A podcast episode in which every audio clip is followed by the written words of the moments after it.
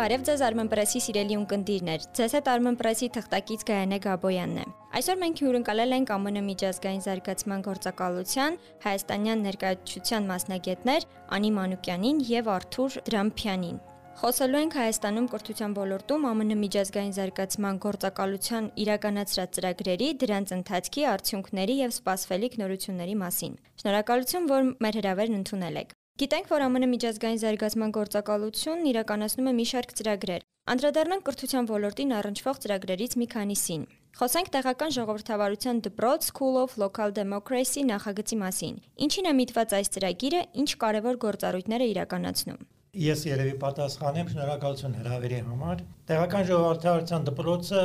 մի մտահղացում էր, որ մեզ մոտ ծնվեց 2017 թվականի վերջում, 18 թվականի սկզբում, երբ մենք տեսանք, որ շատ մեծ ներուժ կա երիտասարդության շրջանում։ Երիտասարդներ կան, որոնք մեծ ցանկություն ունեն իրենց համայնքներում, իրենց համայնքները փոխել, իրենց համայնքներում փոփոխություն բերել, բայց չունեն որոշակի գիտելիք հատկապես տեղական ինքնակառավարման մարմինների մասին, տեղական ժողովրդավարության մասին եւ արդյունքում մենք նախաձեռնեցինք ստեղծել այդ կառույցը տեղական ժողովրդավարության դպրոցը, որը ըստ էության ինքը շենք չի, դպրոց չի, այդ դասական իմաստով, այլ շարժական է եւ տեղափոխվում է մարզից մարզ։ Մենք հիմնականում մարզերում ենք աշխատում։ Ներգրավեցինք մեծ քանակությամբ երիտասարդներ, ծրագիրը իրականացնում է Հայաստանի ֆինանսիստների միավորումը։ Եվ իրենց տալիս էինք սկզբնականում երկշաբաթյա բազային գիտելիքներ, որովհետև տեսանք, որ շատ մեծ энտուզիազմ կա, շատ մեծ ցանկություն կա, բայց գիտելիքը պակասում է։ Երկշաբաթյա կուրսերի ընթացքում իրանք բավականին ման էին սովորում տեղական ժողովրդավարության մասին, ինչպես են աշխատում տեղական ինքնակառավարման մարմինները, ինչ է նշանակում համայնքային ծրագիր, ինչպես պետք է կազմել ծրագիր եւ այլն, շատ շատ հետաքրքիր էր եւ շատ մեծ ոգեշնչման էին իրենք մասնակցում։ Տարիքը շատ տարբեր էր, բայց սկզբում նույնիսկ գալիս էին դպրոցական 17-18 տարեկան, հետո մի քիչ մեծացավ տարիքը, սկսեցին ուսանողներ գալ։ Եվ շատ մեծ հնարավորություններ ստեղծվեց իրենց համար, որովհետև այդ երիտասարդները հետո շրջանավարտը դառնալուց հետո ծրագրեր էին ներկայացնում եւ իրենց համայնքներում այդ ծրագրերը իրականացնում էին։ Մի ամիս, երկու ամիս այդպես տևողությամբ ծրագրեր էին, որտեղ իրենք ինչ որ մի փոքր հարց էին լուծում իրենց համայնքի համար։ Եվ գիտեք ինչ, ձնագնդիկի էֆեկտ ուներ, որովհետև եթե ենթադրենք մենք օրինակ 100 ուսանող էինք ներգրավում այդ դպրոցում, այդ 100 ուսանողը հետո իրենց հետևից բերում էին ամեն մեկը 10 մասնակից։ Եվ այդպես աճում էր։ Հիմա մենք ունենք մոտավորապես 3000 շրջանավարտ կամ ծրագրերի մասնակից, որոնք այդ դպրոցի ճանապարհներով անցել են։ Շատ շատ հետաքրիր էֆեկտ էր։ Եվ ինչ ասեմ, դպրոցը իրենց շատ մեծ հնարավորություններ տվեց, որովհետև իրար ճանաչեցին, այդ երիտասարդները հիմա բոլորը իրար հետ շփվում են եւ գիտեք երիտասարդները ոնց են սիրում շփվել, Facebook-յան խմբեր ունեն եւ այլն, մենք հատուկ նաեւ արցանց պլատֆորմ ենք ստեղծել իրանց համար, որտեղ իրենք այդ պլատֆորմում էլ կարող են շփվել, Նոր չասած, որ ժամանակ առ ժամանակ մենք նաև համազգային ֆորումներ ենք անցկացնում, որտեղ իրանք գալիս են ֆիզիկապես իրար հանդիպում են, տեսնում են, ոնց որ էս վերջին հոկտեմբերի 15-ին, որտեղ բոլոր շրջանավարտները ՏԺԴ-ի տեղական ժողովրդավարության դպրոցի բոլոր շրջանավարտները հավաքվել էին եւ որոշեցին հիմնել կազմակերպություն, ընտրել էին մարզային խորհուրդներ, ընտրել են նաեւ ազգային խորհուրդ։ Դառնում է լուրջ կազմակերպություն եւ շարունակել է իր ճանապարհը, որովհետեւ մեր ծրագիրը շուտով ավարտվելու է եւ իրենք իրենց ճանապարհն են ընտրել, իրենց ճանապարհով պիտի գնան։ Այն նշեցիք, որ իրականացվում է տարբեր մարզերում։ Ուզում եմ հասկանանք Հայաստանի բոլոր մարզերն ու համայնքներն ընդգրկված են ծրագրում։ Բոլոր մարզերում։ Եվ որ մարզերն են առավել ակտիվ բոլոր մարզերում ունենք, տեսեք, զարգացման ճանապարհը այսպես գնաց։ Սկզբից մենք անում էինք ուրեմն ավերես դասընթացներ։ Հետո մենք ստեղծեցինք արցանց հարթակը, որտեղ կարելի է նաև արցանց վերցնել այդ դասերը եւ անցնել տեստերը եւ ստանալ հավաստագիրը։ Հետո մենք հասկացանք, որ ծրագիրը այնքան են շատանում այդ շրջանավարտները, մասնակիցները, որ ամեն մարզում մի կազմակերպության հետ պայմանագիր կնքվեց եւ այդ կազմակերպությունը կարծես հյուրընկալում է տեղական ժողովրդավարության դպրոցը յուրաքանչյուր մարզում։ Չեմ կարող ասել, որ մարզն ավելի ակտիվ, որովհետև բոլորն են ակտիվ են, սուպեր ակտիվ են։ Այդ երիտասարդները կարող են սարը շուտ տալ։ Եվ ասեմ դες օրինակ այս ընտրություններում տեղական ինքնակառավարման ընտրություններում, որոնք տեղի են ունենում նախորդը տեղի ունեցավ հոկտեմբերի 17-ին, հետո նոյեմբերին ալինել եւ դեկտեմբերին, մենք ունենք շրջանավարտներ, որոնք առաջադրվել են տարբեր կուսակցական ցուցակներում, այսինքն դա էլ մի ձև է, որով ՏԺԴ-ի շրջանավարտները իրենց մասնակցությունն են բերում իրենց համայնքների գործերին։ Քաղաքական մասնակցության ձևեր էլ կան։ Կան նաև պարզապես առաջնորդներ, որոնք պատրաստ են իրենց համայնքներում ինչ որ հարցեր բարձրացնել, վերել տեղական ինքնակառավարման մարմինների ուշադրությանը եւ հետո այդ հարցերի լուծում տալ։ Այդ դուք մի փոքր անդրադարձակ, բայց կուզում կոնկրետ ասեք, ինչ հմտություններ են ձեռք բերում մասնակիցները եւ դրանք որտեղ կարող են իրացնել առաջնորդության հմտություններ են ձեռք բերում, սովորում են ինչ է նշանակում մարդու իրավունքներ, ինչ է նշանակում համայնքային աշխատանք, ինչպես են աշխատում տեղական ինքնակառավարման մարմինները, ինչ ձևեր, մեթոդներ կան մասնակցել օրինակ ավականու նիստերին, ինչպես կարելի է օրինակ ստորագրահավաք կազմակերպել, եթե ինչ որ հարց է բարձրացնում, ինչպես կարելի է մնացած երիտասարդներին մոբիլիզացնել իրենց համայնքում, շատ պրակտիկ հմտություններ են դրանք։ Շնորհակալ եմ։ Այ ԱՄՆ միջազգային զարգացման գործակալությունը ներառական կրթության ոլորտում եւս ծրագրեր է իրականացնում։ Կմանրամասնեք դրանք այս պահին ինչ նախաձեռնություններ ունեք եւ ինչ փուլում են դրանք։ Նախ թույլ տվեք ողջունել եւ շնորհակալություն հայտնել հարցազրույցի համար։ Ուրախ եմ, որ ունենք այս առիթը խոսելու USAID-ի կամ ԱՄՆ միջազգային զարգացման գործակալության ծրագրերի մասին կոնկրետ կրթության ոլորտում։ Նախ միջև անցնելը բուն ծրագրերի ներկայացմանը ուզում եմ նշել կոնկրետ USAID-ի մոտեցմանը կրթությանը, քանի որ USAID-ում ԱՄՆ միջազգային զարգացման գործակալությունը վստահ է, գտնում է, որ որակյալ կրթությունը ամենամեծ ներդրումն է, որ երկիրը կարող է կատարել իր ապագայի երկրի եւ իր ժողովրդի համար քանի որ դա է դառնում այն հնարավորությունը որ կտա զարգացում մնացած բոլոր ոլորտներում եւ այս մոտեցմամբ է նաեւ որ USAID-ին Հայաստանում իրականացնում է տարբեր ծրագրեր եւ ինչպես դուք նշեցիք ծրագրերից մեկը դա կառավարության ներառական կրթության համակարգի հզորացմանն է ուղղված ինչպես գիտեք Հայաստանը համընդհանուր ներառական կրթությունը համարում է հրճակել է որպես երեխայի իրավունքի իրականացման երաշխիք եւ դա նշանակում է որ յուրաքանչյուր երեխա, այդ թվում նաև կրթության առանձնահատուկ պայմանների կարիք ունեցող երեխաները պետք է ստանան որակյալ կրթություն, մաչելի հարմարեցված միջավայրում եւ հավասար հնարավորություններով։ Այս շրջանակում USAID-ին ունի ծրագիր կոնկրետ կրթության, գիտության, մշակույթի եւ սպորտի նախարարության հետ, որի շրջանակում հարմարեցվում են ընտրված դպրոցներում եւ մանկավարժահոգեբանական կենտրոններում իրականացվում են ֆիզիկական մաչելիության ապահովում, որպիսի առանձնահատուկ պայմաններ պայմանների կարիք ունեցող երեխաները եւ կամ հաշմանդամություն ունեցող երեխաները կարողանան կրթություն ստանալ, ինչպես մնացած բոլոր իրենց հասակակիցները։ Սա ծրագրերից մեկն է, որը իրականացվում է մարզային մոտեցմամբ, առաջին Սյունիքի մարզներ եւ այնտեղ մենք հիմա արդեն ունենք 9 վերանորոգված դպրոց ֆիզիկական մաչելիություն ապահովելու համար եւ Գորիսի մանկավարժահոգեբանական կենտրոնը, որտեղ երեխաները, ինչպես նաեւ ծնողները, մանկավարժները ծառայություններ են ստանում, ելնելով գնահատված կարիքների ծառայություններից, այսինքն գնահատված կարիք ասելով ինչ ենք հասկանում։ Ծառայությունը ինչ ինչ է իրենից ներկայացնում, ծառայություն, որը օգնում է երեխային եւ ընտանիքին ապահովելու շարունակական կրթություն, այսինքն ելնելով իր կարիքներից։ Մեկ այլ ծրագրի մասին, որ ուզում եմ ավելի բովանդակային աջակցություն է տրամադրվել կրթության մշակույթի սպորտի եւ գիտության նախարարությանը ներառական կրթության որակյալ մատուցման ռազմավարական տեսլականի մշակմաններ ուղված եւ նաեւ ճանապարհային քարտեզի մշակման, այսինքն ինչ քայլերի միջոցով Հայաստանը կարող է հաշվի առնելով միջազգային փորձը, ելնելով երկրում ունեցած փորձը արդեն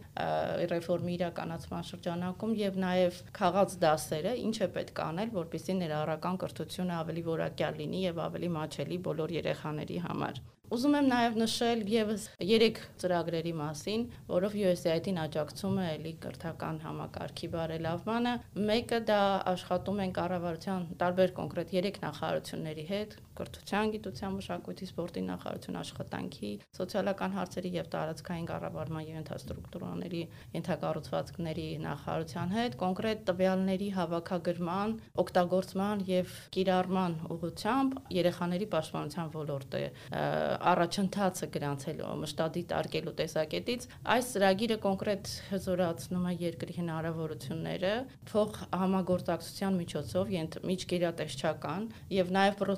process-ների բարելավմամբ ապահովել, որպիսի երեխաների պաշտպանության ոլորտում միջգերատեսչական փոխանակում լինի տվյալների, այսինքն եթե երեխան որևէ կյանքի դժվարին իրավիճակում է հայտնվել, ապահովել անել այնպես, որպիսի կառավարության տարբեր օղակներ, այդ թվում նաև համանքային օղակը հնարավորություն ունենա ունենալ այդ տվյալը եւ տվյալի հիման վրա որոշում ներկայացնել Եվս երկու ծրագրի մասին շատ համառոտ կխոսեմ իհարկե։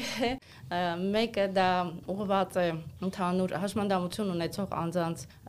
ներառականությանը եւ անկախ կյանքին ապրելուն։ Այդ ծրագրի շրջանակում բացի այն, որ ստեղծվել են անկախ կյանքի ռեսուրս կենտրոններ Գյումրիում եւ Վանաձորին ընթացքի մեջ է, այդ ծրագրերի շրջանակում տրվում են ծառայություններ, ուղղորդում, խորհրդատվություն, հաշմանդամություն ունեցող անձանց, բայց այդ ռեսուրս կենտրոնները բաց են նաեւ երեխաներին ծառայություններ մատուցելիս էլի ուղղված է ներառականությանը եւ ուզում եմ նշել, որ Գյումրի ռեսուրս կենտրոնը ծառայություններ է մատուցել արդեն 500-ից ավելի հաշմանդամություն ունեցող անձանց եւ իրենց ընտանիքներին եւ դրանց թվում նաեւ երեխաների, ովքեր ստանում են ժեստերի լեզվի ուսուցման դասընթացներ, որը էլի օգնում է կրթության մեջ նրանց ներառմանը։ Ունենք նաև հասանելի համայնքային սոցիալական ծառայություններ ծրագիրը, որտեղ Երևանի պետական համալսարանի հետ համատեղ մշակվել է 11 ամսյա հերակա դասընթաց, որի շրջանակում USAID-ին աջակցում է երկրին ինստիտուցիոնալացնելու, կայացնելու սոցիալ համայնքային սոցիալական աշխատողի աշխատուժը, այսպես ասած։ Երևի այսքանը ասեմ, եթե ինչ որ հարցեր ունեք, այն նշեցիք, որ համագործակցում եք տարբեր նախարարությունների հետ, այզում եմ փոքր գնահատեք այդ համագործակցության արդյունքը ինչպիսին է։ Իհարկե աշխատանքները ռեֆորմների իրականացման հեշտ չեն, որովհետև բազմաթիվ process-ներ, բազմաթիվ գործընկերներ կան, բայց կարծում եմ, որ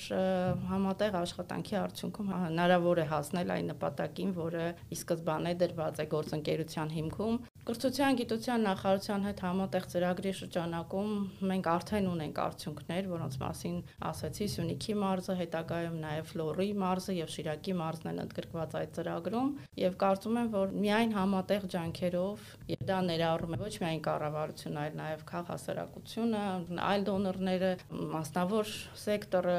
այսինքն բոլորի ուժերի միահամուռ ուժերով հնարավոր կլինի գրանցել արդյունքներ, եթե մենք ուզում ենք հասնել այն նպատակին, որը որ դրված է։ Շատ լավ, խոսենք մեկ այլ համագործակցության մասին։ Գիտեմ, որ Երևանի Պետական Համալսարանի հետ իրականացում եք մեկ այլ կարևորի ծրագիր՝ սոցիալական աշխատողների պատրաստում։ Ինչ նպատակ ունի այս ծրագիրը, ինչով է կարևորում սոցիալական աշխատողների գործունեությունը։ Շնորհակալություն հարցի համար։ Իհարկե,